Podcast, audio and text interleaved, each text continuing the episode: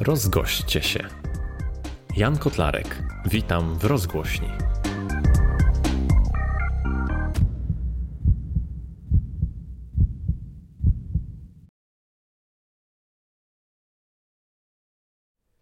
Dziś tekst z marcowego numeru autorstwa Józefa Muszyńskiego pod tytułem Wielka woda w Eskulapie.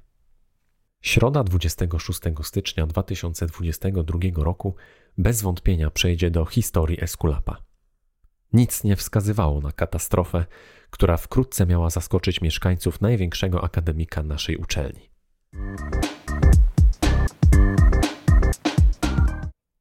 Pierwsze doniesienia.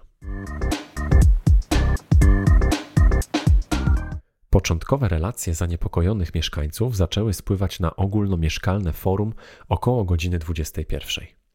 Mieszkańców piątego piętra zaniepokoił dźwięk, który opisywali oni jako jednostajny szum wodospadu, który nie ustępował. Według relacji w podobnym czasie pierwsze cieki wodne na ścianach zauważyli mieszkańcy czwartego piętra, którzy na forum podnieśli ogólnoakademikowy alarm. Niestety, wkrótce po tym potwierdziły się relacje mieszkańców, które wskazywały na poważne pęknięcie rury z gorącą wodą na korytarzu piątego piętra w południowym skrzydle budynku. Przybyły na miejsce ochroniarz obiektu podjął się zadania zakręcenia pobliskich zaworów odcinających. Według relacji świadków wykazał się on dużą odwagą. Nic w tym dziwnego. Według przepisów temperatura wody użytkowej w budynkach mieszkalnych powinna wynosić od 45 do 55 stopni Celsjusza. Zadanie to było tym bardziej utrudnione ze względu na ogromne ciśnienie i tryskający słup gorącej wody, który skutecznie uniemożliwiał zbliżenie się do zaworów bezpieczeństwa.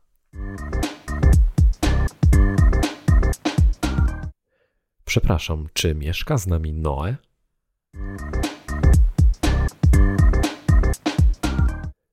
Próby zakręcenia zewnętrznych zaworów bezpieczeństwa nie przynosiły jednak oczekiwanych rezultatów. W ciągu kilkunastu kolejnych minut podjęto więc próbę skonstruowania systemu obejścia wody do pobliskiego segmentu, która miała stanowić istną arkę Noego w trwającym na piątym piętrze potopie. Znaczna odległość od segmentu, wysokie ciśnienie wody oraz potencjalne skomplikowanie budowanej konstrukcji uniemożliwiło jednak realizację tego planu. Wołanie o pomoc. Niespełna godzinę później o pomoc zwrócili się mieszkańcy trzeciego piętra. Ochotnikom znajdującym się dwie kondygnacje niżej od źródła problemu już w tej chwili brakowało suchych ręczników oraz wiader. Na ten moment żywioł dotknął łącznie już cztery piętra, a przy braku reakcji wolontariuszy katastrofa ta mogła przybrać znacznie większe rozmiary.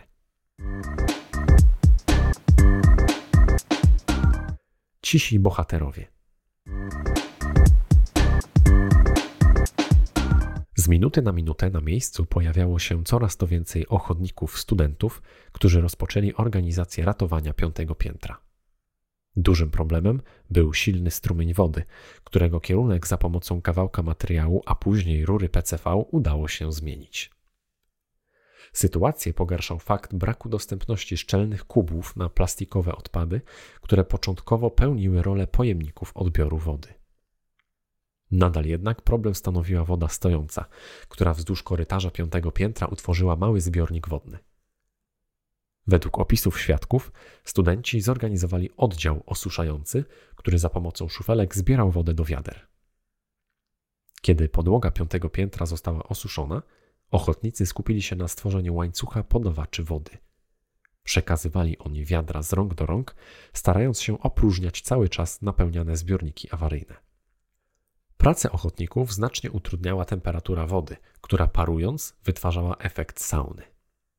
Ciągłą walkę wspomagały również panie pokojowe, które nie tylko udostępniły ratownikom niezbędne sprzęty, ale i również same uczestniczyły w całej akcji przeciwpowodziowej. Ogłoszenie sukcesu.